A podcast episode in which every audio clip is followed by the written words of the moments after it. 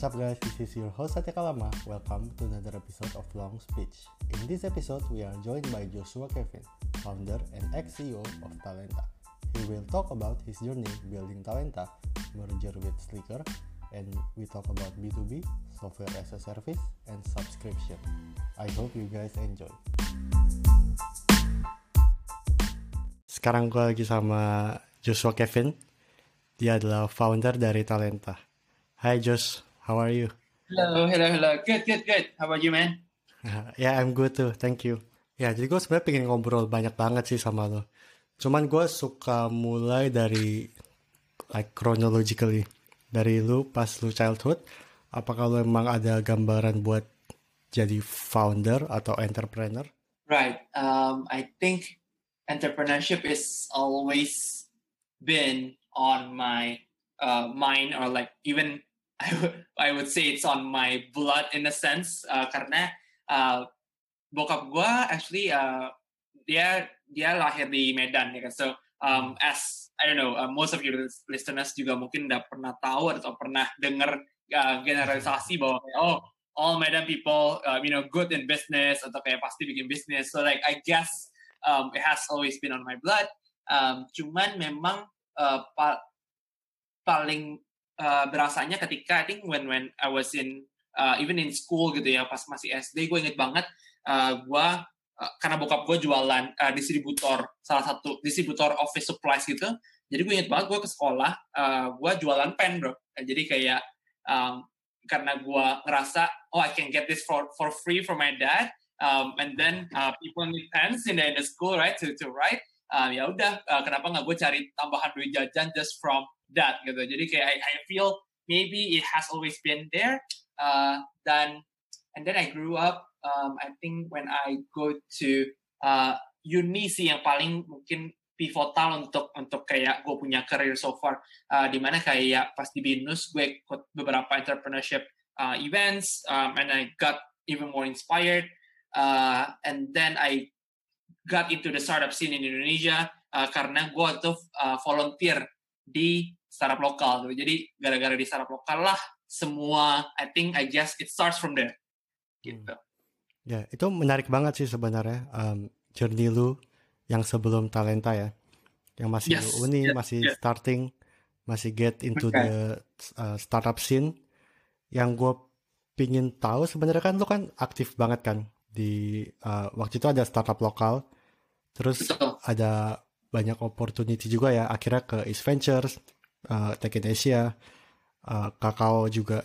Mungkin yang gue pingin tanya sebenarnya, uh, what was it about you back then yang bikin orang-orang itu kasih opportunity gitu? Menurut lo, quality apa yang lo punya waktu itu?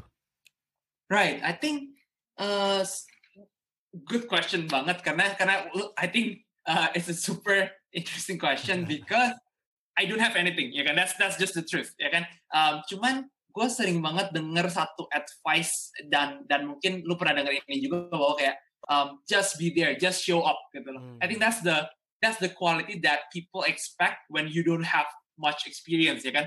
Um, selama lu selalu hadir dan selalu bilang oh gue bisa uh, dikasih apa aja, dikasih tas apa aja, yes I can do it, yes I can do it. Uh, dibanding kayak ah kayaknya enggak deh, ah kayaknya gue itu kurang ah atau misalnya gue males ah. Um, I think being a yes man when you are young is definitely gonna be an advantage. Karena um, ya every yeses it will bring you to more and more or bigger and bigger opportunities gitu. Jadi um, I, I remember very clearly di mana kayak pas gua join uh, startup lokal untuk bantuin jadi volunteer uh, waktu itu uh, Natalie which is the founder of Ticket uh, bilang ke gua kayak eh Josh lu yang yang jadi um, uh, kayak project officer for startup lokal first birthday. Jadi kayak first birthday itu kayak basically meet up ke-12 lah Um, terus gue yang kayak ah yakin nih gue masih maksudnya anak kuliah kan nggak pernah manage any big projects. Kalau ini gagal gimana? Cuma kayak gue gue itu gue ngomong dalam hati. Uh, cuman kayak gue sih yes aja gitu. Karena gue yakin oh ini opportunity dan kalau gue nggak kalau gue tolak berarti akan jatuh ke um, other volunteers atau other people. Gue ngerasa oh this is my chance to shine. Then I said yes and um, I think from that moment on I think people know me as part of the startup local. So not just Natalie and the rest, but actually also Joshua gitu. Jadi um, from that, uh, I got to meet um, Wilson, which is uh, partner of his ventures. And from meeting with Wilson, he offered me um, two jobs, uh, which is one is to help him for uh, the accelerator that we were trying to build for East Ventures, named East Ventures Alpha. But at the same hmm. time, uh, he was also investing in Tech in Asia. Back then, it was called Pan Olsen. Um, jadi dia bilang, gue lagi mau invest ke media ini, lu kan suka nulis nih, daripada lu nulis di blog lu, nggak ada yang baca, yaudah, lu nulis di Tech Indonesia aja gitu. Um, same thing gitu kan, kalau misalnya, I think I can probably say no, karena gue ngerasa, oh yaudah, gue cukup di venture saja. Tapi, I say yes, ya kan. Dan, um, to be honest, I think, not to say my experience in ventures nggak berguna, tapi lebih kayak, I see my experience in Tech in Asia opened so many more doors for me um, in terms of opportunity. Karena as a media you can look uh, everyone wants to be your friend. So anyone that i that i reach out um, through email through whatsapp or through anything they will always say yes to like coffee meeting. Jadi i pretty much because of tech in indonesia i pretty much know all the key people in the tech startups in indonesia whether it's investors whether it's media whether it's government um, and and actually that is super pivotal for my Talenta success juga. Wow, that's very interesting. Nah, mungkin kalau kita mundur lagi sedikit ya sebelum um, hmm. startup lokal bahkan pas lu kuliah. Kan itu berarti hmm. masih early 2010-an kan? Betul. di mana startup belum se-booming sekarang lah. Untuk yes. lu sendiri kenapa lu bisa um, tertarik sama startup sampai akhirnya start the volunteer and everything else? Right, right. So I definitely owe my I wouldn't say life, but I owe my whole professional career, I think, to Twitter sih. Karena um, that's where I I found out about startup local. That's where I found out about Natalie and the rest, like the whole community. Um, because I follow um, smart people on Twitter, ya kan. Jadi kayak some people back then might use it for like, oh, gue check in di Foursquare atau misalnya gue post uh, my path check in atau pokoknya hal-hal yang mungkin ya very teenagers lah ya kan? Jadi kayak lu you, you just try to get attention quote unquote but like I use it more on like reaching out to people that I don't know but I'm interested to find out. Um, jadi that's where everything started. So like if karena lu tarik balik lagi itu yang sebenarnya lebih pivotal lagi sih. Jadi Twitter actually created my whole career. Wow Nah, terus uh, tadi lu juga sempat mention soal yang lu very open to take challenges. Yang gue pingin tahu lebih detail karena sebenarnya kalau kayak yang lu udah familiar sama startup scene waktu itu juga East Ventures kan udah lumayan uh, it's a very good place to be lah for startup hmm. uh, enthusiast gitu kan. Tapi kenapa lu berani untuk uh, ke Tekinesia sampai ke Kakao? Apa yang bikin lu waktu itu yang di pikiran lu kayak uh, this one will provide maybe better opportunity sebelum lu akhirnya ngelakuin dan benar-benar ngerasain uh, better opportunity tersebut? Uh, I I ya, yeah, gue nggak mau bullshit dan bilang gue gue know everything from the beginning ya kan. Jadi um, be honest with you, I just did it. Uh, gue benar-benar nggak tahu apakah waktu itu Tech Indonesia akan jadi segede sekarang ataupun uh, gue tahu kakak talk. Um, Oke, okay, so not, let's not talk about kakak first. Jadi lebih dari Tech Indonesia, gue tidak tahu bakal teknisnya akan segede apa, tapi it's just a way for me to know people dan it's just a way for me to write, ya kan? Jadi I, I one of my uh, passion is is to write, so uh, gue ngerasa daripada dan dan yang lo bilang benar di mana kayak daripada gue tulis di blog gue dan mungkin sedikit yang baca lebih baik gue tulis dan exposure-nya lebih besar gitu. Jadi teknisnya waktu itu gue inget banget gue dibayar per artikel mungkin cuman I don't know seratus ribu uh, per artikel, which is not a lot, ya kan? Karena hmm. lu cuma bisa nulis berapa banyak um, in a in a week, in a month gitu. Um, jadi it's not about money, definitely. It's more about experience dan dan at the same time, I also get to see how founder works, ya kan? Uh, my boss back then, uh, Willis, is really I think one of my inspiration slash mentor juga, di mana dia um, tidur kayaknya maksimal tiga jam back then when we were just starting uh, di di gue sempat uh, nginep bareng juga karena waktu itu office di Tech Indonesia is an apartemen di uh, Mediterania Tanjung Duren Jadi kayak ada dua kamar, satu buat tidur, satu buat kerja. Jadi kayak gue inget banget gue udah tidur, bangun, ya dia masih kerja gitu. Jadi kayak gue nggak gue nggak tahu kapan dia tidur gitu. Jadi I think that really gave me the the founder mentality of like ya itulah contohnya gitu kayak I think it's very easy for us to to tell people to do things tapi kayak it's very hard to give an example. You know? Jadi uh, from Willis I really learned the the hard work mentality to uh, make you uh, success sih karena menurut gua luck sama um, let's say uh, lu punya IQ atau smartness itu menurut gua masih bisa uh, ada parameter yang lumayan random lah. Cuman hard work is something that you can do yourself, ya kan? Itu yang lu yang decide gitu. Um, yes. Jadi I think I learned definitely hard work from Willis Um, and Kakao Talk it's more of a interesting experience. Cuman gua waktu itu ngeliatnya sebagai uh, opportunity untuk experience uh, B2C.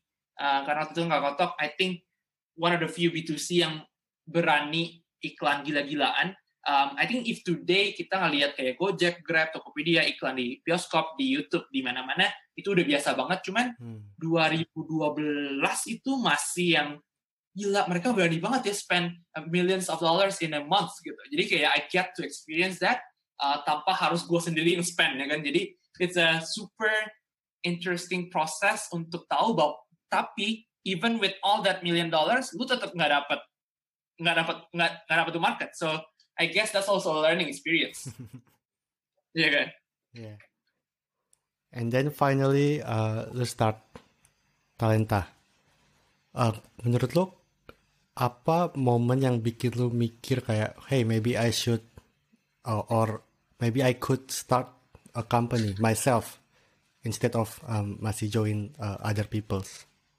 Right, right, right. Uh, ya, yeah, jadi gue abis dari kakao gue lulus uh, dari binus uh, tidak bukan do, bukan bukan hmm. telat, gue on time, bahkan early lah, uh, early enam bulan gitu.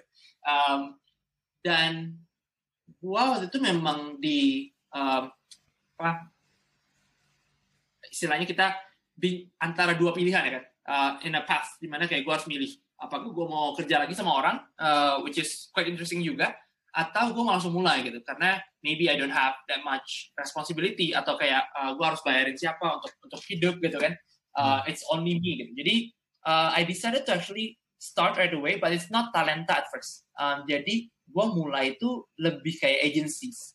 Jadi uh, gue ngeliat ada opportunity di mana banyak banget startup di Singapura mereka dapat grant dari government uh, dan grantnya lumayan jadi banyak banget orang bikin startup just for the sake of grant bahkan hmm. um, jadi mereka dapat grant itu dan obviously karena mereka jualan app atau misalnya services um, yang butuh banyak orang mereka nggak bisa jualan ke Singapura doang so obviously they will target Indonesia tapi mereka juga nggak tahu harus ngapain harus mulai dari mana um, dan I use my experience in Tech Indonesia dan Kangotok untuk um, serve these companies gitu. Jadi kayak it's more of an agency thingy. Uh, whether they need PR, whether they need kayak events, uh, whether they need community outreach, I do all of that. Um, cuman after doing it for I think a year, uh, I realized bahwa oh this is not scalable. It's I mean the money is good, uh, it pays for uh, anything that I want to buy. Uh, cuman nggak ada kepuasan bikin aja gitu uh, as a maker lah. Gitu. Hmm. Dan akhirnya gue nyadar, oke, okay, I need to build a product. Um, dan first thing I do adalah I, I I know I don't have money to build on my own. Um, so I go to my mentor, uh, which is uh, Grace Tahir from my Pada group. So um, I talk to her and then I say, oh, I wanna build my first product. Uh, will you invest? Jadi kayak if I if I think back, kayak gue lumayan nekat sih. Kayaknya um, to pitch to a conglomerate's uh, daughter gitu kan kayak I don't even have any HR um, experience I have never built product before um, cuman ya itu sih gue um, I don't know why this might be this might sound too religious but like I think God is definitely uh, blessing me back then karena ya itu gue berhasil convince untuk untuk for her to give me uh, the first check into the company dan dan it's not just the check but actually she also gave me an office space di wow. uh, office tower di Sudirman. Uh, jadi kayak pada tower, gue dikasih office space juga gitu. Dan dan itu juga worth-nya juga lumayan, ya kan? Uh, karena di Sudirman. Uh, so but at the same time, I did my first mistake as a founder, which is um, outsourcing my first product. Gitu. Jadi gua karena gue bukan technical founder, um, gue cuma mikir, oh, udah deh, yang penting cepat produknya jadi, jadi gue bisa jualan.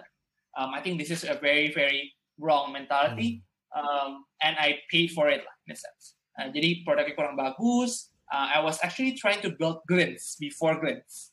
So um, quite inspired by like my own experience of like graduating and then kayak kok kayaknya di all the job portals I have to fight against uh, all the CVs ya kan karena padahal gue masih baru mulai loh how do I win gitu.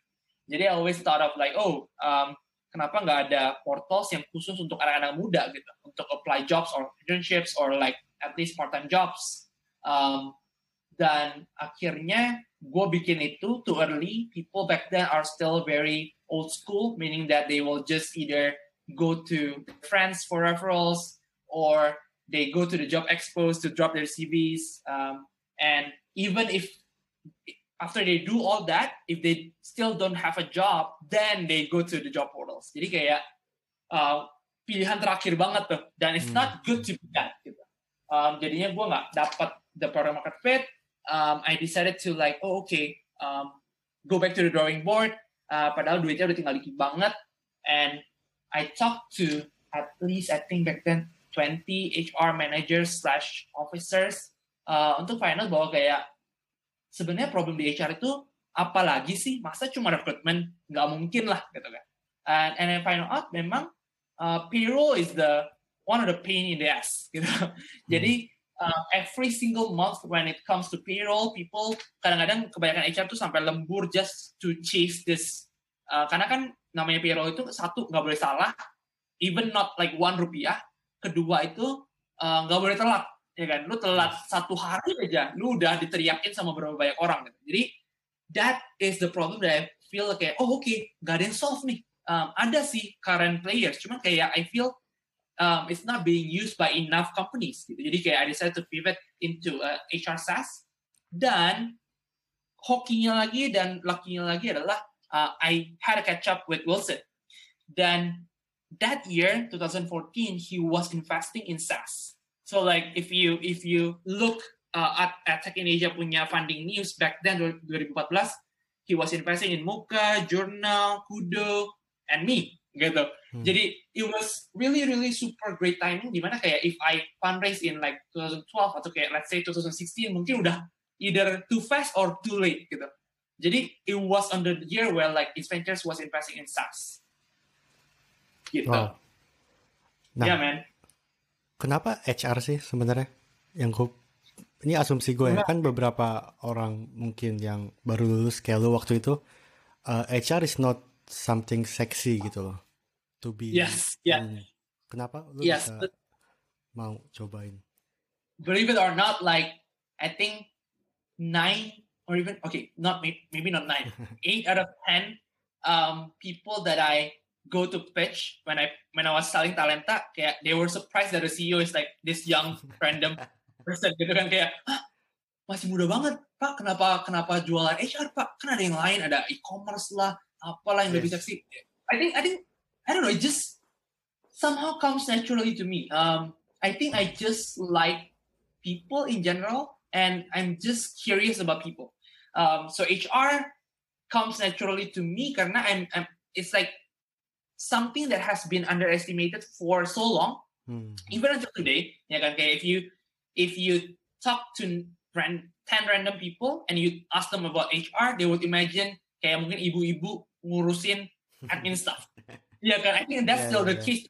Cuman, cuman I realize bahwa kayak it's weird that people are saying, oh people are the center of my startup or like my organization, but you don't even you don't even support your own HR. Gitu. Jadi I see that that apa weirdness of like people say uh, business owners saying that people is important tapi kayak they don't even take care of their own HR. Nah, gue ngerasa kayak conflicted aja gitu di di, di my own uh, uh, heart gitu kayak oh why hmm. don't people appreciate HR more? Uh, maybe it's because they don't have enough tools or maybe they're just doing admin stuff. That's why they are being underestimated. Jadi kayak gue ngerasa maybe if if I can create a tool that can help them save their time so they can focus on actually things that are matter uh, that, that actually matter the most which is ya udah lu ngobrol sama orang-orang yang memang butuh bantuan lu as a as a person ya kan bukan lagi ngobrolin eh uh, kok gue mau cuti nih tolong dong uh, tanda tangan ya kayak I don't want that to happen anymore to HR harusnya HR itu udah if you see in in in developed countries actually banyak HR yang udah rebrand the the the division atau the department into people experience. Wow. So ya kan udah bukan ngomongin lagi kayak eh ngurusin payroll gue dong, eh ngurusin uh, gaji gue dong atau kayak reimbursement. Kayak that should be in the 2000s right, not 2020 gitu. Itu sih. Nah, habis lu pivot akhirnya dari re yes. uh, rekrutmen sampai full uh, HR service, ya. Yeah. Uh, lu dapat customer pertama itu dari mana? Nah, uh, gua hubungin balik lagi tuh sama kayak my my past experience which is Tech in Asia gitu. karena karena I know a lot of people um, because of Tech in Asia I know the investors I know the potential founders. Jadi kayak when I build talenta I know siapa aja nih yang gue bakal reach out gitu. Jadi hmm. kayak I talk to um, for example my friend in Grab uh, sekarang dia di Mongsil for example. Jadi dia kayak waktu itu the launcher in Indo. Gue kayak bilang eh uh, gue udah gue udah bikin startup nih. Uh, it's, it's, it's handling payroll. Kayak lu pakai apa? Oh dia bilang oh gue belum pakai apa apa nih. Pas banget gue lagi nyari. So I sell to hmm. them. Uh, di Gojek gue kenal sama Kevin uh, gue kenal Nadine juga karena Tech Indonesia so like same thing jadi kayak gue selalu ke di startups yang kayak baru lagi growing lagi scaling dan mereka belum punya uh, payroll software gue ke Albert and Agung di Kudo jadi kayak all those people yang memang quote unquote low hanging fruit. Tapi itu pun karena gue beruntung I was in Tech Indonesia. Kalau gue hmm. nggak ada Tech Indonesia, mungkin gue juga bingung nih, oh gue harus mulai dari mana? So because of Tech Indonesia, I get to have uh, all these founders, all these startups yang ketika gue taruh logonya di my pitch deck or my homepage, itu uh, orang-orang ngeliat dan kayak, oh oke, okay, that's a validation. Bener gak sih yang lo lakuin itu beneran jadi validation untuk customer-customer selanjutnya? As in next next customernya bukan lo yang reach out ke mereka, tapi uh, mereka yang datengin lo langsung. Uh, I think for the first two years, kayaknya I would say 90% is still outbound. Um, jadi kita yang benar-benar harus educate the market, kita yang harus duluan ngajak meeting, uh, belum banyak inbound waktu itu karena uh, nah itu juga yang memang kita harus pelan-pelan rubah apakah itu dari branding, dari event segala macam uh, dan dan dan yang tadi dibilang apakah itu validasi membantu ya membantu karena masih sering banget gue dapat pertanyaan ketika gue jualan adalah eh uh, kan kamu di cloud nih itu ditaruh di mana ya kalau bukan di server saya kalau bukan di CPU saya jadi data-datanya banyak yang lihat dong atau misalnya kayak data saya nggak aman dong. Jadi I always convince them with like saying, oh Pak tenang aja Pak, you know that Gojek at both Gojek and Grab is our customer.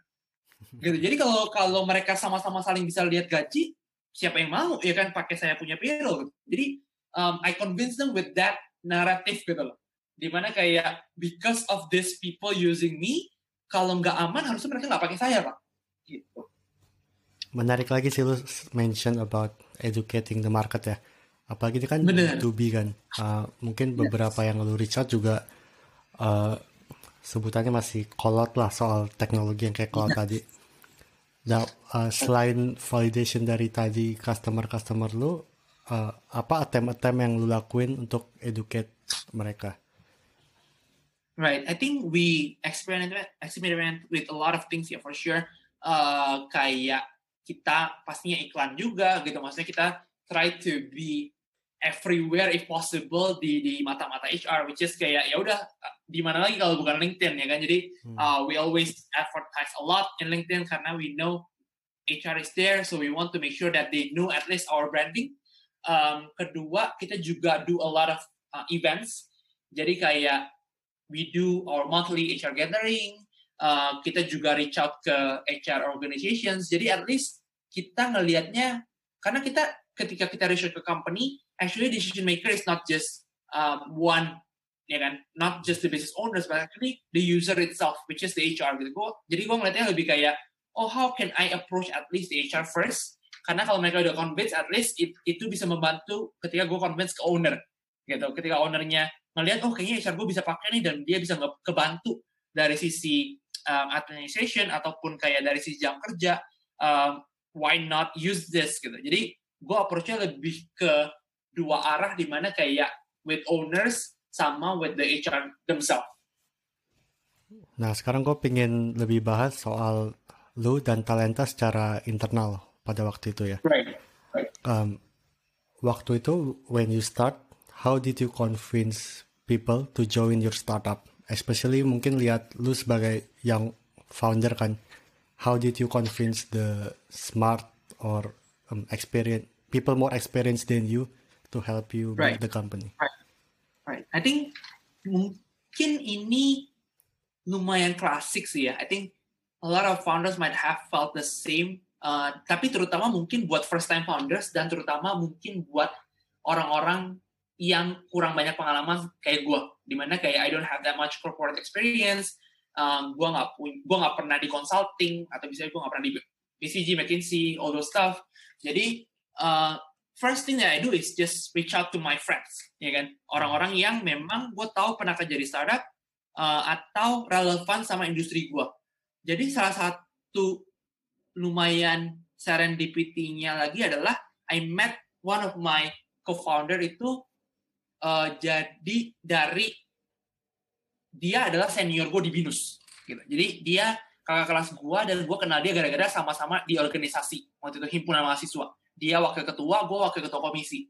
Cuma ketika dia lulus, ya udah pasti lulus kontak, nggak pernah ketemu. Dan one day ketika gue lagi browsing LinkedIn, somehow he updated his skills atau kayak updated his position or whatever. Jadi kan sering banget tuh kalau zaman dulu LinkedIn tuh belum banyak konten-konten kayak sekarang tuh. Cuman yeah. cuman yang kayak update orang update kerjaan mereka lah. Jadi gue ngeliat um, namanya Alex. Uh, jadi Alex updated his um, skills to like payroll, HR software. I was like, what I didn't know you're working in in HR gitu jadi gue yang kayak wow uh, dia kerja di salah satu kompetitor gue namanya Andal dan ya udah gue langsung kayak message dia gue bilang Rex yuk catch up gitu. Uh, gue langsung ketemu dia dan ya tuh gue bilang ke dia eh gue mau bikin kompetitor lu nih today gitu. Uh, cuma gue gak mau build it the same way like you guys are doing right now. I wanna build it the new way which is SaaS gitu.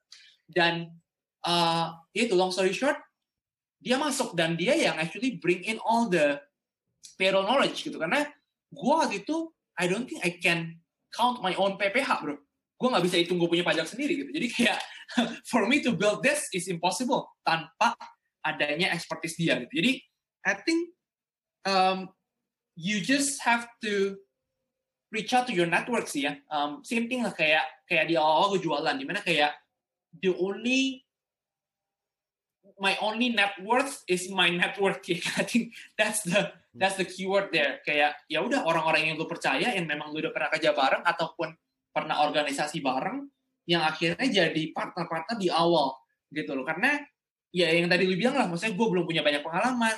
Why would people work at Atlanta? Why would people work for Joshua atau with Joshua gitu? Kayak karena gue gak ada pengalaman gitu. Jadi um, the only way is just to hire people that you know can work well with you at least in the beginning.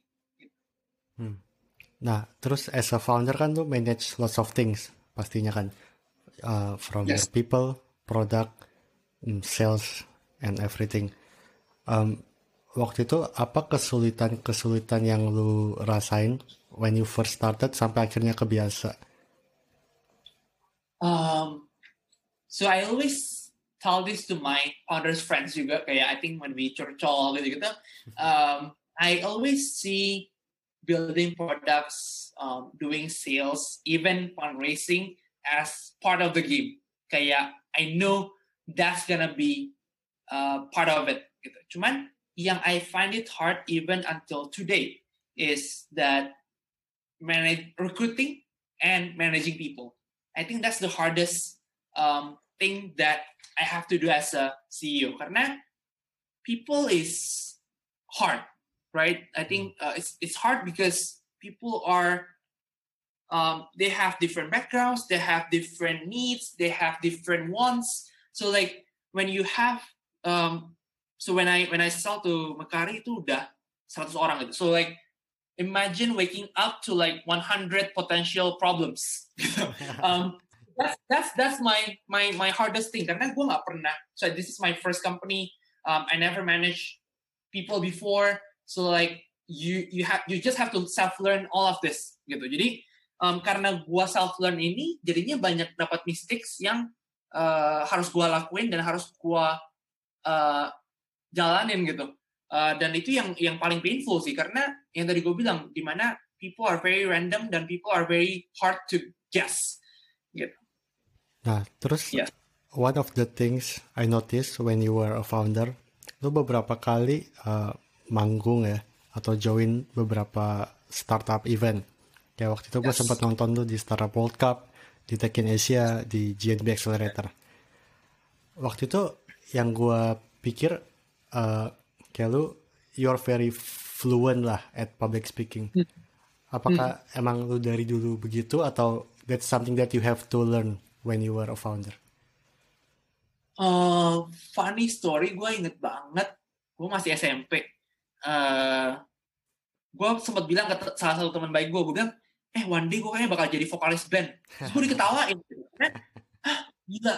Uh, gue karena waktu itu sama sekali nggak pernah kayak maju ke depan gitu-gitu ikut osis gitu-gitu gue nggak pernah gitu. SMA pun more or less the same kayak gue nggak terlalu pede lah uh, gue bahkan back then gue bakal dapat banyak masalah segala macem uh, karena my own family that's another story lah but basically my high school years was like not good um, dan karena itu gue lumayan kurang pede sih cuman starting kuliah gue push myself to like eh Josh kayaknya uh, you have to change. So I join uh, himpunan mahasiswa lah. Jadi dari situ gue lumayan dapat banyak pengalaman untuk kayak eh, karena berorganisasi mau ngomong kan lu harus ngomong sama banyak orang dan lu harus coordinate sama banyak orang, hmm. ya kan? So that lumayan that became like foundation.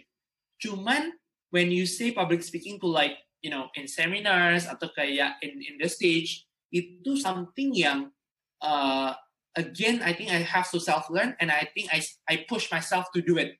Karena I always told myself bahwa kayak this is a, an opportunity to sell not only selling myself as as like personal branding but also to sell talenta ya kan?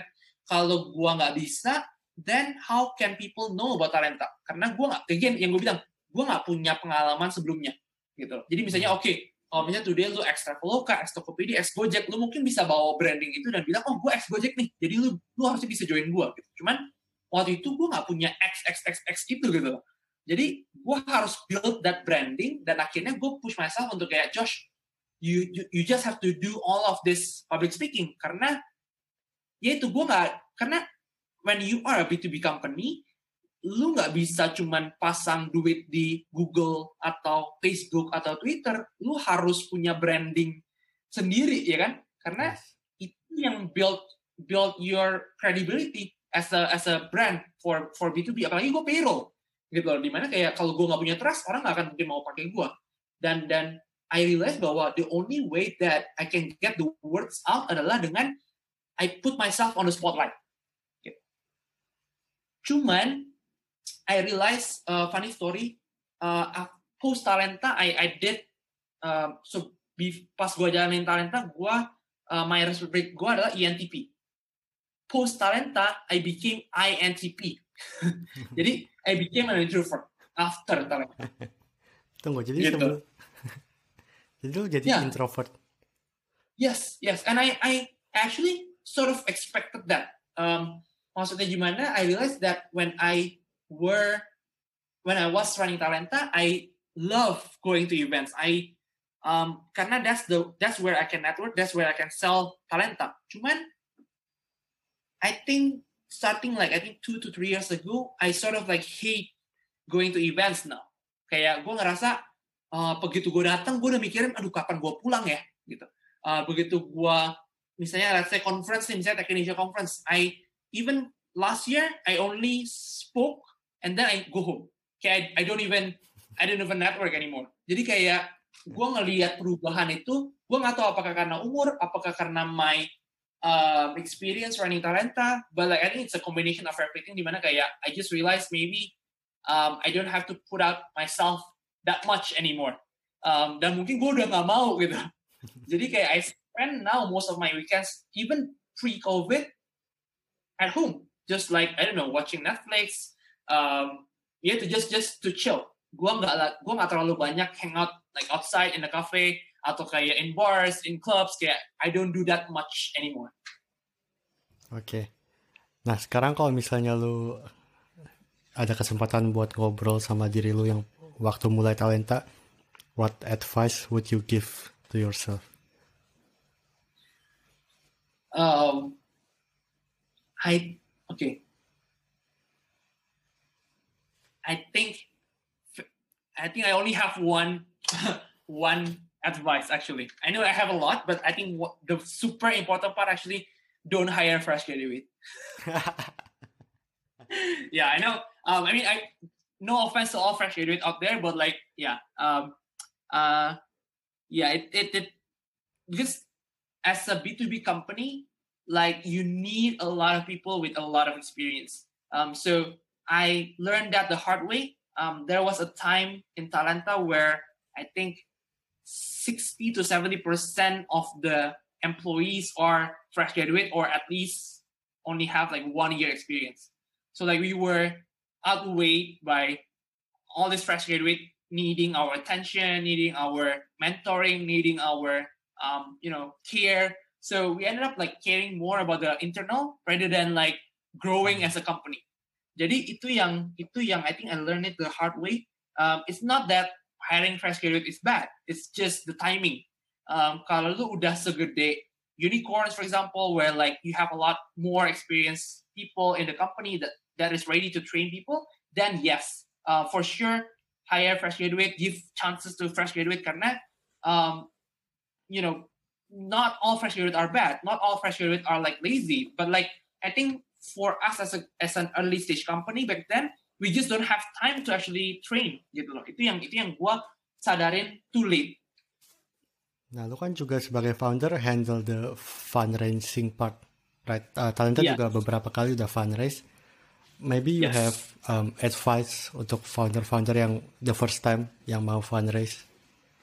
Right right right. I think kebanyakan ya uh, this this is something that I see in conferences in the um, kadang-kadang pas seminar yang yang nanya juga gitu I think I still see this happening di mana kayak they people see fundraising as an end as a goal gitu instead of as a way to reach your goal gitu jadi yang salah adalah orang mikir oke okay, gua gua tes hoki gua gue coba bikin startup, gue coba bikin pitch deck. Kalau hoki-hokian, ya udahlah gue dapet funding lah, gitu. Semoga gue dapat gitu. Jadi udah kayak udah kayak main uh, loto bro. Jadi kayak yaudah deh semoga gue hoki one in a million gue dapat yaudah gue dapat duit gitu. Padahal if you think about it actually that is just one small part of your company building ya kan? Itu itu malah startnya gitu. Uh, the the the part when you grow your product into a company is the hardest part. Jadi for people who just wanted to start a company atau kayak baru mau mulai fundraising adalah uh, I would advise to rethink of like, are you sure you want to become a founder? Atau ini cuman lebih kayak ngikutin tren atau kayak ini cuma keren-kerenan doang? Atau misalnya gue cuma ngetes my luck um, to to see whether I can fundraise? Um, karena menurut gue there can be a better use of your time when you can work for a fast growing company instead of like being a founder. Karena nggak semua orang cocok jadi founder sih. Uh, dan dan dan nggak semua orang bisa jadi founder gitu. Jadi um, I would say that and also I think second part adalah masih banyak founder somehow gue nggak tahu kenapa ini masih ada uh, tapi masih punya mindset ketika mereka fundraise adalah mindsetnya old school brick and mortar investment. Jadi mereka nanya ke gue, eh uh, Josh kalau di invest itu uh, harus balikin modalnya kapan ya? Atau kayak gue harus kasih ROI-nya kayak gimana ya? Uh, mereka ambil dividennya kayak gimana ya? Gue kayak, ah, gimana maksud lo? gue gue bingung sendiri gitu karena uh, itu yang masih kayaknya masih happen. kadang kadang-kadang orang masih tanya gue hal yang sama bahwa kayak mereka masih punya mindset bahwa oh if you get an investment lu masih do it the old school way padahal all you do is like you you give equity and then you uh, you exit together with the with the investors at the end gitu kan um, jadi itu yang yang masih banyak terjadi out there di Indo gitu.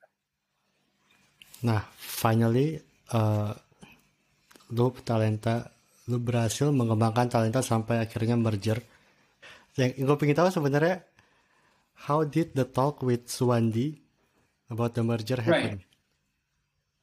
Okay. Yes. Um.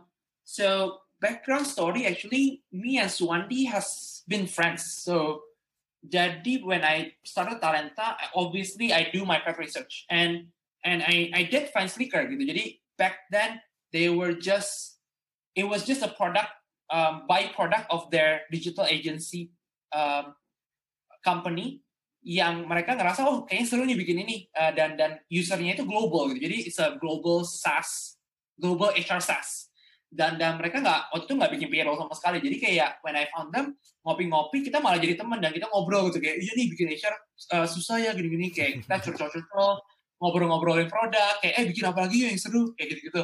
Jadi they they are friends gitu. Jadi kayak mungkin banyak orang yang mikir kok kok bisa kok bisa happen uh, including you? Gitu kan. Kayak hmm. Kenapa bisa jadi ngobrol? Gitu. Jadi um, they have been friends for a while dan dan uh, only when they got invested by Mid Plaza uh, then they started to build Indonesian payroll. Nah pas mulai dari situ uh, akhirnya gue bilang ke Swandi eh so kita jaga jarak dulu ya karena now we are competition gitu. Kita udah nggak bisa lagi terlalu dekat karena pasti ada conflict of interest. Nah akhirnya dari saat itu kita nggak kita nggak terlalu sering ngobrol uh, we just go on our path. And then 2018 awal uh, Swandi ajak catch up karena it's a new year, um, kayak it's been a while, terus kayak uh, akhirnya dia ngajak gue ngobrol. Gue masih inget kita ketemu itu di Kokas kalau nggak salah. Kalau nggak, oh sorry sorry, no Kokas, Lotte Lotte, Lotte Avenue, uh, dan ya itu dia langsung dia bilang hal yang super simple, which is, eh Josh daripada kita sama-sama berantem buat dapat ya kan? Small pie why don't we join forces untuk ngegedein pie-nya gitu. Daripada kita sama-sama bid the same um, keyword in Google kita sama-sama spend on LinkedIn um, which is kita cuma teriak to the same audience gitu. Jadi dia bilang ke gue bahwa ya udah kita gabung aja gitu. Kita um, let's just join forces. Nah um, buat gue pribadi it's not an easy thing to say yes to ya kan? Uh, it's not gue nggak langsung kayak begitu di offer gue langsung say yes. It's not there's a contemplated completion lah. Uh, di mana kayak gue mikir-mikir dulu I talk to my investors juga. Cuman um, by then itu gue udah jalanin talenta for years lah uh, boleh dibilang. Dan uh, lebih banyak ke my own personal struggle sih as a first time entrepreneur as a first time founder lah. Di mana um, I was building in an industry where we're still educating the market, di mana marketnya pun nggak mau dieducate, tapi ditambah lagi dengan uh, kita bergerak di niche yang memang tidak ada investor yang invest gede-gedean di niche tersebut gitu loh. Jadi kayak um, the hot thing even until today is like fintech, ya kan, um, D2C e-commerce kita mulai mulai lihat sekarang. Jadi kayak we are we've never been the hot niche gitu loh. Uh, walaupun kita melihat di di US, you know, the, in the in the stock market semuanya kayak all the enterprise SaaS is like growing like crazy. Cuma kayak di Indo ataupun even generally in Southeast Asia, it's not the case gitu. Jadi gua ngerasa makin lama makin burn out uh, karena gua harus menanggung all of that gitu. Um, I mean if I'm getting funding year over year ya mungkin gua nggak se burnout itu. Cuman again lah, semua hal-hal kecil akhirnya numpuk uh, karena kesalahan-kesalahan gue juga as a first time founder, dan akhirnya gue ngerasa kayaknya gue cukup deh. Cukup dalam artian bukan berarti gue tidak percaya sama SaaS, bukan berarti gue tidak percaya sama talenta, but it's more of like maybe I have to pass the baton to someone else yang memang masih siap nih berantem atau ngegedein SaaS HR sampai 5-10 tahun lagi. Maybe it doesn't have to be me yang yang in the drive seat, uh, driving seat to actually take Talenta there, but actually maybe it can be Suwandi. Gitu. Jadi that was on my mind.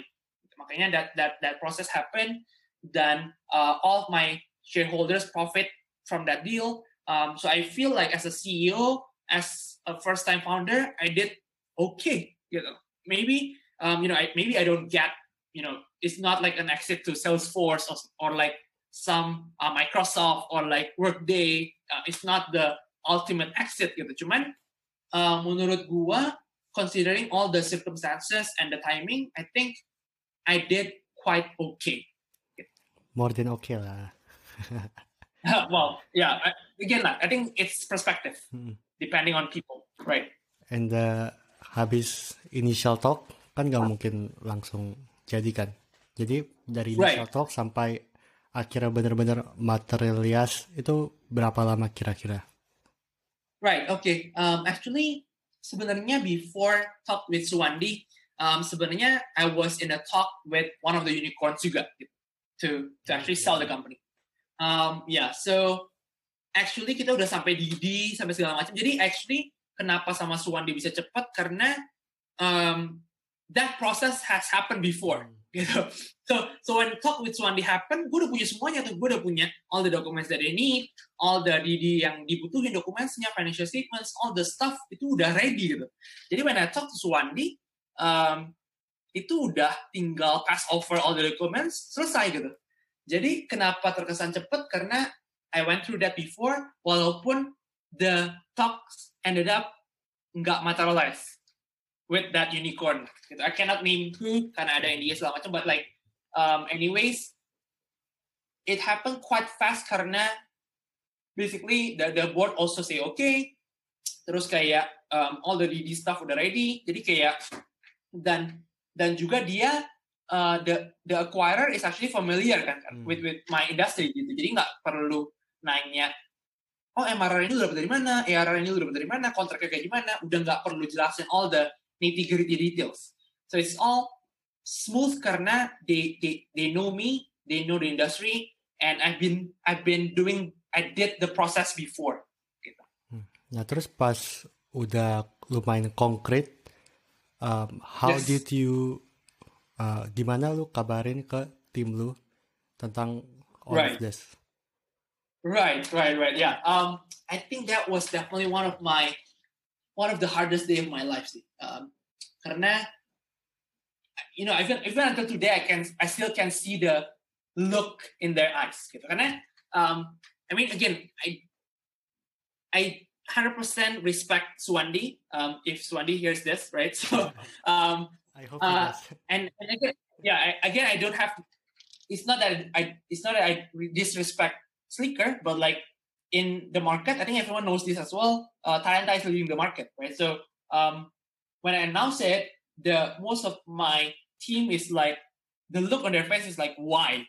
Mm. Karena it's like the leading market, leading uh, HR SaaS is selling to like let's say number two. So it's more of like why gitu. Jadi um, it took them quite some time. Uh, cuman I think they eventually understand. I think at least the the management, right? So it's a definitely a hard way to to explain. Um, cuman it has to be done gitu loh. Um, cuman karena karena gue gue selalu compare sama ini sih. Uh, what if I I did the opposite, which is kayak what if I announce that hey guys today is our last day in Talenta. To tomorrow you guys don't have a job like that can totally be a different conversations and I, I won't be talking to you today. Jadi kayak um, I just have to be grateful. Um, although memang memang gue ngeliat kayak banyak banget uh, of my team felt like maybe betrayed in a sense or like hurt um, karena mereka ngerasa why did you sell to like second place? Why did you sell now? Um, is it is it to um, enrich yourself gitu loh. Jadi gue ngerasanya mungkin ada orang-orang yang seperti itu. Cuman some of the people yang key people yang memang memang know what's happening, I think they realize that it's the best decision that I can make at that point. Gitu. Hmm. mungkin kalau kita boleh uh, in talk in retrospect, did you think sure. the decision was good? Yeah. I mean, I mean, so why can I say good? Karena even until today, I see talenta out there. Hmm. Uh, even until today, I still see, I still have, I still receive um, a lot of messages of like, hey Josh, gue sekarang pakai talenta nih. Jadi kayak, kayak it keeps growing tapi gue nggak perlu stress mikirin talenta lagi gitu jadi kayak I get boleh dibilang I sort of get the benefits without having to go through all the hurdles ya kan? Um, I still see my brand out there. I still see it as a legacy. Um, and I still see it grow gitu. Jadi kayak gue boleh ibaratin lumayan mirip sama kayak maybe um, sorry for parents out there but like hopefully this is not a bad association but like it's like putting your kids to adoption. Karena memang lu udah nggak sanggup ya kan? Um, daripada let the kids die of hunger for example mendingan gue give it up for adoption. And then you see the kids grow still quite well. Jadi kayak it hurts yes as a parent as a builder of this company of this brand. Cuman I think my goal or my vision is like kalau misalnya nanti cucu gua masuk kerja dan dia masih bilang eh kayak gue mas gue pakai talenta loh that would that would mean super that would mean a lot to me. Daripada gue dapetin duit lebih banyak. Hmm. nah terus akhirnya pas lu udah uh, after the acquisition happen dan finally uh, yes. uh, talenta join Slicker how did yes. you really feel back then um ya boleh dibilang it's a weird condition ya kan karena uh, you're not leading the company anymore um, dan memang gua waktu itu udah kebagian position kayak memang biz dev and marketing lah which is yeah still it's something that I like to do um, cuman ya udah lebih ke I think the final year that I have to be there ya udah nggak terlalu fokus sih karena kan ya basically you just have to be there it's not about you want to be there jadi udah lumayan berbeda sih uh, all the feeling all the all the job um, it's just like ya just to pass the time boleh dibilang kasarnya gitu. Jadi um, I'm I'm not 100% there anymore back then karena ya lu udah mikirinnya oh kapan nih ini over so I can go on my holiday gitu. Uh, terus kan akhirnya lu keluar ya tuh yes. uh, sabbatical ya karena lu nggak langsung join yeah. company lain atau bahkan build sesuatu. Nah, yes. uh, waktu lu sabbatical apa aja yang lu reflect terhadap maybe all your all of your journey as a founders? Um, first thing first, I think I I would say that I am super blessed and super privileged to actually do this karena menurut gua untuk orang yang uh, bekerja dan berkarir untuk kayak tiba-tiba liburan dapat liburan tiga bulan itu kayaknya almost impossible ya kan. Um, I think kayak even people with money sometimes kayak orang mikir aduh sayang banget nih mendingan gue tetap kerja deh gitu. Walaupun kayak freelance kayak consulting kayak whatever it is. So I feel definitely super blessed and super privileged to actually do it. Um, cuman when I when I reflect, I think I just read recently uh, an article uh, di mana apparently there's this syndrome called astronaut syndrome di mana kayak these astronauts after they they did the mission mereka balik ke um, ke negara asalnya di mana pun itu dan mereka ngerasa everything is like downhill from there. Karena mereka udah ngerasain the high ya kan? Mm-hmm. kayak I did something yang super magical and then you come came back to earth and then you do all your everyday stuff. Nah they feel like the rest of their life is like less meaningful. Gitu dan dan itu I partly felt that. In a sense of like gue selalu tahu di dalam hidup gue gue mau bikin bisnis. Tapi gue nggak pernah tahu bahwa apa yang gue harus lakukan setelah gue bis gue setelah gue jual bisnis itu. Dan ini kan nggak diajarin gitu loh. Maksud gue yes there's a lot of ya kan. Maybe atau misalnya kalau misalnya lu udah lu lu went through MBA mungkin adalah diajarin. Cuman no one taught me of that. Kayak oh just abis jual talenta ya lu harus kayak gini. Nggak ada gitu. Jadi kayak I was in a limbo gitu. Di mana now I don't have to go to work, now I don't have to think about talenta all the time. Jadi kayak lumayan weird experience gitu.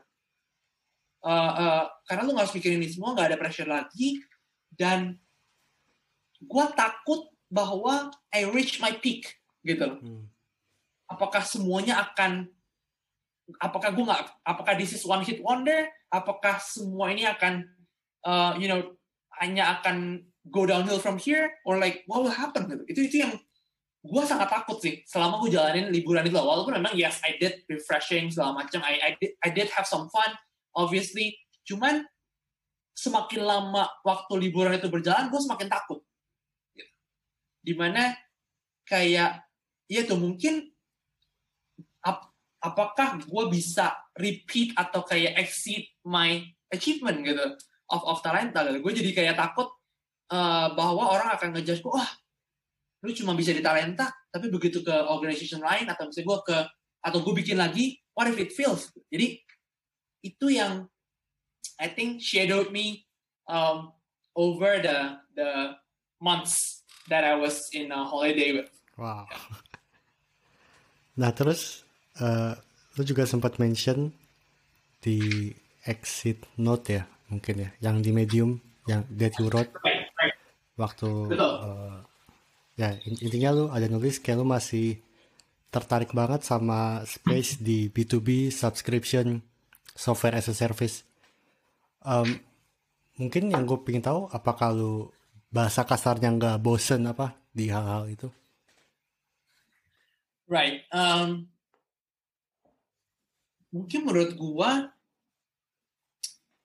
kata-kata yang tepat sih, uh, gue gue selalu terakhir-akhir ini lebih ngeliat uh, hidup gitu ya life is is um, separated into stages lah um, so um, gue ngeliat gue I define this by like five times 15 years. So like the first 15 years you ended up building your foundation.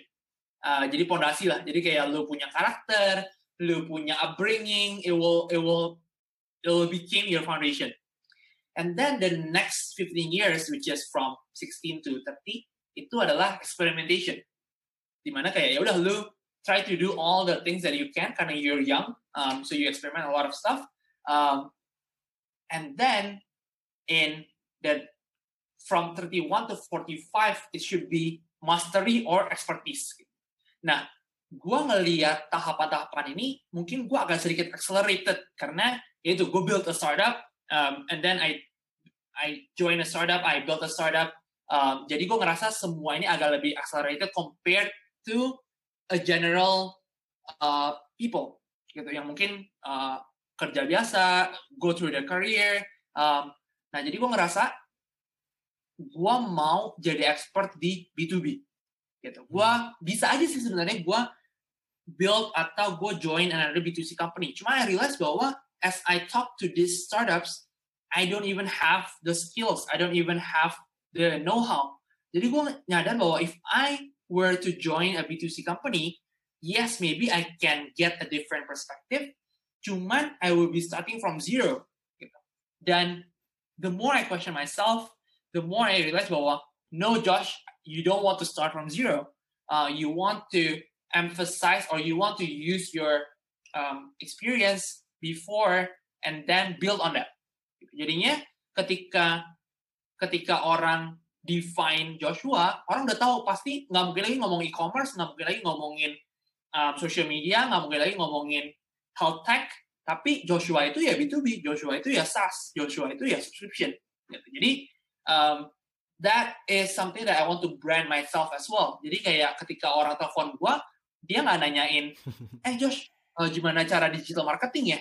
Tapi lebih kayak, hey Josh, I'm building a software now. Um, can I have tips on how to build a great software. Jadi kayak um, I think you just have to pick kayak kan in life kayak what do you want to be uh, branded or like expert in. Wow, that's very interesting. And uh, hmm. mungkin menurut gue itu bukan it's not a secret ya kalau di Indonesia compare to maybe US uh, B2B-nya masih uh, kalah lah ya. Di sini mungkin lebih fokus B2C.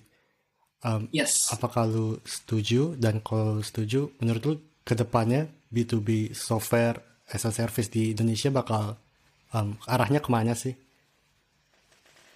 Oke, okay, I think kalau menurut gua segala sesuatu itu adalah uh, cycle, ya kan? Hmm. Um, kalau gua ibaratin atau take an example itu adalah uh, bundling and unbundling. Jadi zaman dulu kalau kita ngomongin konten, orang itu punya masing-masing TV channel, and then they bundle it with a cable. Jadi orang cuma langganan satu cable, mereka udah dapetin semua the channels. Ya kan, they have hundreds of channels.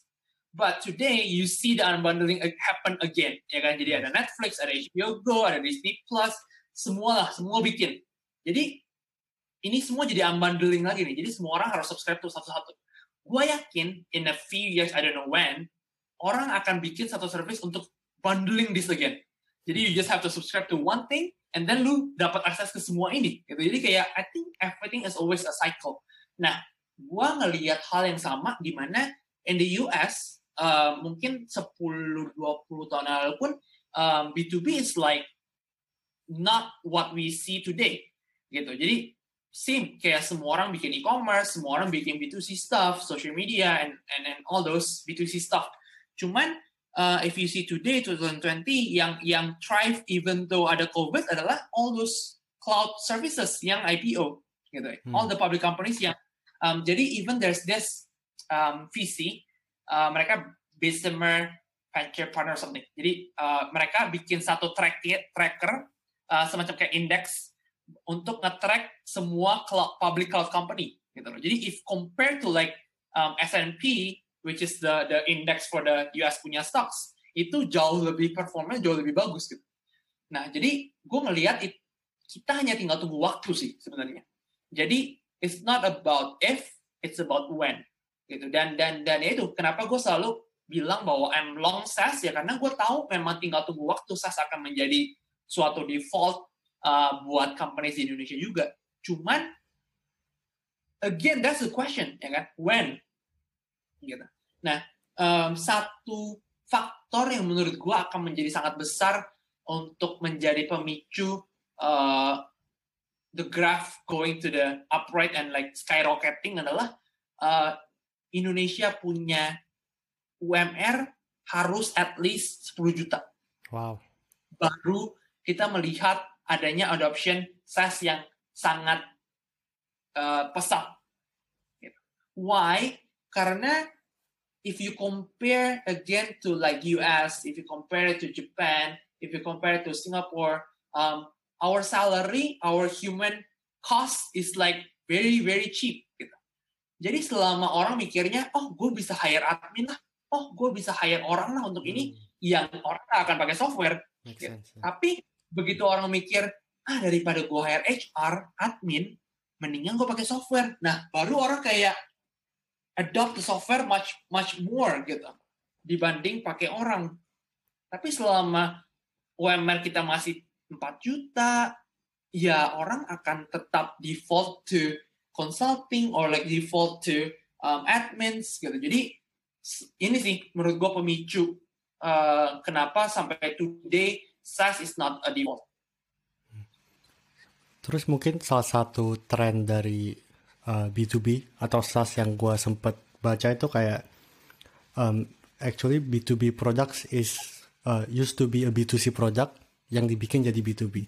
Contohnya kayak Slack itu kayak cuman WhatsApp tapi jadi bikin B2B kayak Notion yes. itu cuman notepad yeah. tapi dibikin B2B menurut lo yep. like uh, what's your opinion tentang itu kalau gue ngeliatnya gini uh, dan dan ini tren ini sebenarnya lumayan lumayan uh, banyak sih kadang-kadang gue lihat di, di Indonesia pun gitu. Jadi uh, sesimpel gini sih. Misalnya ya uh, let's say I'm a gaming company. Hmm. I have IPs ya kan? I have um, my own uh, intellectual properties. I have my own content. Uh, I've been creating B2C products or like apps for let's say two years.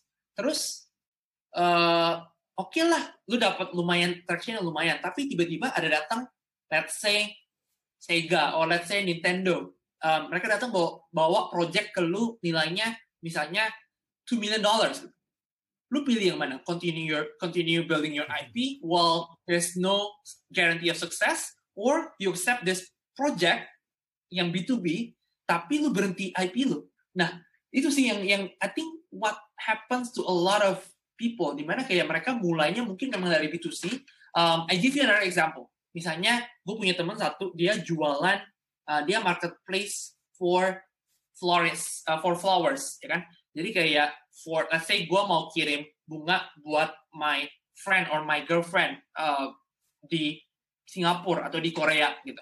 Gue bisa kirim lewat dia. Cuman his biggest business is actually in B2B. Hmm. How? Karena misalnya, oh oke, okay, misalnya gue PT nih, gue punya klien, dia baru buka toko baru. Gue akan kirim bunga, bunga papan tuh, lewat dia. Atau gue misalnya kirim, misalnya ini lebaran, I need to send hampers, ya kan? Again, the biggest driver of his revenue in hampers is not us sending to our friends, but actually businesses selling to their clients, gitu. Jadi, itu sih, kenyataannya adalah memang yang make revenue is B2B, not B2C. Gitu yes when you do B2C well dan lu bisa monetize itu sangat seksi. Cuman the reality adalah yang bisa make revenue from day one is B2B.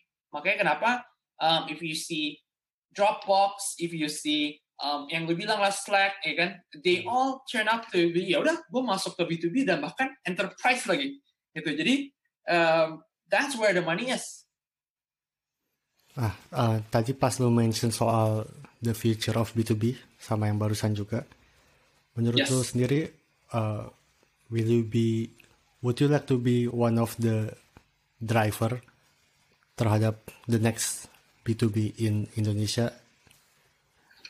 Right, I think um, it's a hard question karena uh, I think I definitely think I need to learn more.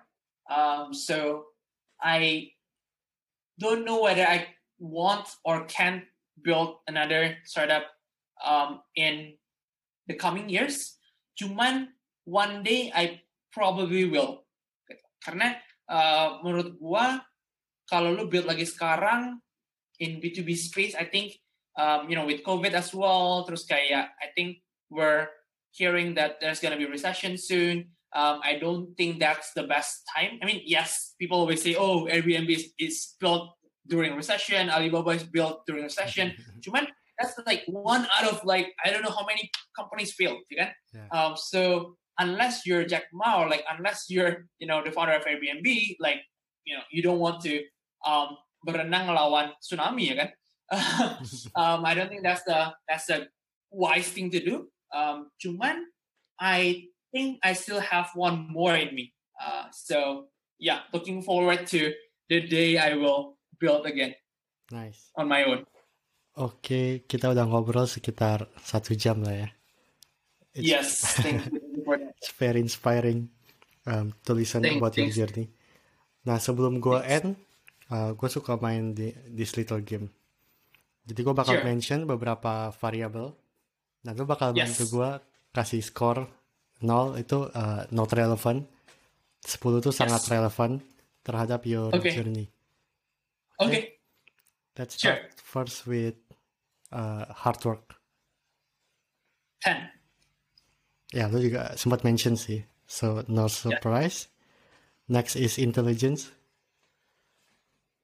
8. Uh, um, yeah. 8 karena itu sih. Um, I think IQ is a number that you are given just because of your DNA. Um, tapi it doesn't guarantee your success. Makes sense. Next, network. 10. um, okay, uh, for this, I think it's even more relevant karena I'm building a B2B thing, hmm. ya kan? Um, so without network, I think people wouldn't even give me the first meeting. So I've I've been in a, a lot of situations where like people just take meetings just because they know me uh, before. So or like I got referral from their friends. Jadi, especially in Indonesia, where like I think a lot of business deals happens because of relationship. Um, without a network, I don't think you can go far. Like you can reach a certain success, but like to go really, really far or like really, really successful, um, without network, you are just a dot essentially. Yeah. Um, no matter how big dot is, you're still a dot. And uh, do you have uh, suggestion for people who want to expand their networks? I think the best thing is to reach out. So I think this is something that is super underestimated karena a lot of people just feel like ah nggak enak ah. Hmm, masa gue oh siapa sih? Masa gue reach out ke orang ini terus kayak minta ngopi? Uh, I think actually a lot of people are happy to do it um, cuman kayak karena orang nggak ada yang nanya aja. Atau misalnya orang nanya tapi juga di, tidak dalam format yang seharusnya. Jadi misalnya kayak eh Josh ngopi dong. Kayak ya gue juga lu siapa? Gitu. Maksudnya lu lu harus jelasin dong maksudnya konteks mau ngopinya mau ngapain uh, what are you learning atau what are you building? I, I think if people are explaining well um, most people will take your calls or like um, coffee gitu. Well I guess with with COVID I think at least people will take 15 to 20 minutes of like Zoom or like Google Meet calls so I think just be brave to to ask Nah, kalau gitu, uh, kalau ada orang yang mau reach out to you, menurut lu channel yang paling proper to reach out to Joshua Kevin itu apa? Um, I think right now maybe um, Twitter kali ya. I think that's maybe Twitter atau um, well, I mean my my email is still there. Um, joshua@atlanta.co is still my email. Um, yeah, so I guess if people want to reach out, oh, actually, yeah, I mean, I guess people use this a lot as well, which is LinkedIn. Um, I think I reach out to a lot of people as well through LinkedIn. Um, and yeah, I mean, I get that a lot as well from people. So LinkedIn, I think, is still the best hmm. to reach out to people. Yeah. Okay. And uh, last but not least. Luck. Um, I would say nine um, it's still super important for me. Um, I think it's partly heritage culture, right? I, I mean, like mm. um, in Chinese culture, like we always believe that you know luck plays a lot of factor in our businesses. Um, karena you know in a in a wrong timing, no matter how good your business is or your um, your capabilities, um, you can still fail, right? Um, I don't really want to give this as an example, but like, you know, I think this is a fact, right? Like everyone knows this as well. Like for example, um, Stocko, right? So like they are growing super super well. Um, they've raised quite a number of funding, and uh, the actually the the investors are also like quite well known, and the founders are super super smart. But again, like you know, like with COVID, like you you can't swim against the tsunami. So so again, like luck definitely plays uh, an important part. So for example, um, again lah, mungkin yang good example-nya adalah Zoom. Yes. Yeah. Um, you know, pre-COVID, yes, they are growing, but like post-COVID, you know, they're growing super super fast. Even at one point, I'm not sure if that's still true, but like they've passed Uber's valuation. So like bayangin B2B, ya kan? Terus um, baru go public dibanding brand yang kayak household like everyone in the world knows. Tapi kayak tiba-tiba lu disurpass valuationnya in just like one year. So yeah, I definitely feel luck is important. Yep. And uh, maybe you can talk more about uh, ada buku nggak atau artikel yang lu lagi baca yang menurut lu interesting to share? Um, for books itself, I think you know just the typical zero to one, Peter Thiel. Um, but I think lately sebenarnya I don't really read that much book. I listen to podcasts sebenarnya. Um, so I listen to more of like, um, for example, Freakonomics, oh, yeah. uh, which is yeah. So they talk about like super random stuff in economy in a fun way, but also like I think in in my uni, I don't really learn that much about economy. so I always, I am curious about like macro and micro, um, those kind of stuff. So I try to listen as much as possible to really understand how, you know, even like the debt cycle works, okay, how the stock, you know, stock market will go, how is the cycle. So I think karena all those things sedikit banyak affect to our business juga gitu. Jadi when the um, when the oh, when the interest rate is low, then mungkin lebih baik lagi VC yang akan invest gitu kan. But like let's say when the interest rate is high, um, you know people are holding their money. So I think banyak hal yang mungkin kita mikir itu kayaknya jauh dari luar sana. It's like in the US. Mana mungkin sih efek ke kita punya. Cuman sebenarnya segala sesuatu itu ada ripple effect karena we live in a global market, ya kan? Um, jadi kalau kita nggak belajar, menurut gua kita sangat foolish untuk mikir kayak oh yaudah gue di Indonesia kok nggak hmm. ngefek lah di US atau di India atau di China gitu. Um, as you see with COVID, you know, it proved that you know everyone is affected. Ya, yeah, Freakonomics, uh, gue juga rekomend sih. I really like their show. Yes, yes, yes, definitely. Oke, okay. thank you Joshua for sharing. Thank you so much. Yeah, um, it's been super super fun. Uh, yeah. Yep. Hope, hope to hear that. Hope to hear this episode yep. soon. And uh, for those who listen, I hope you guys enjoy this as much as we talk about it. Bye bye.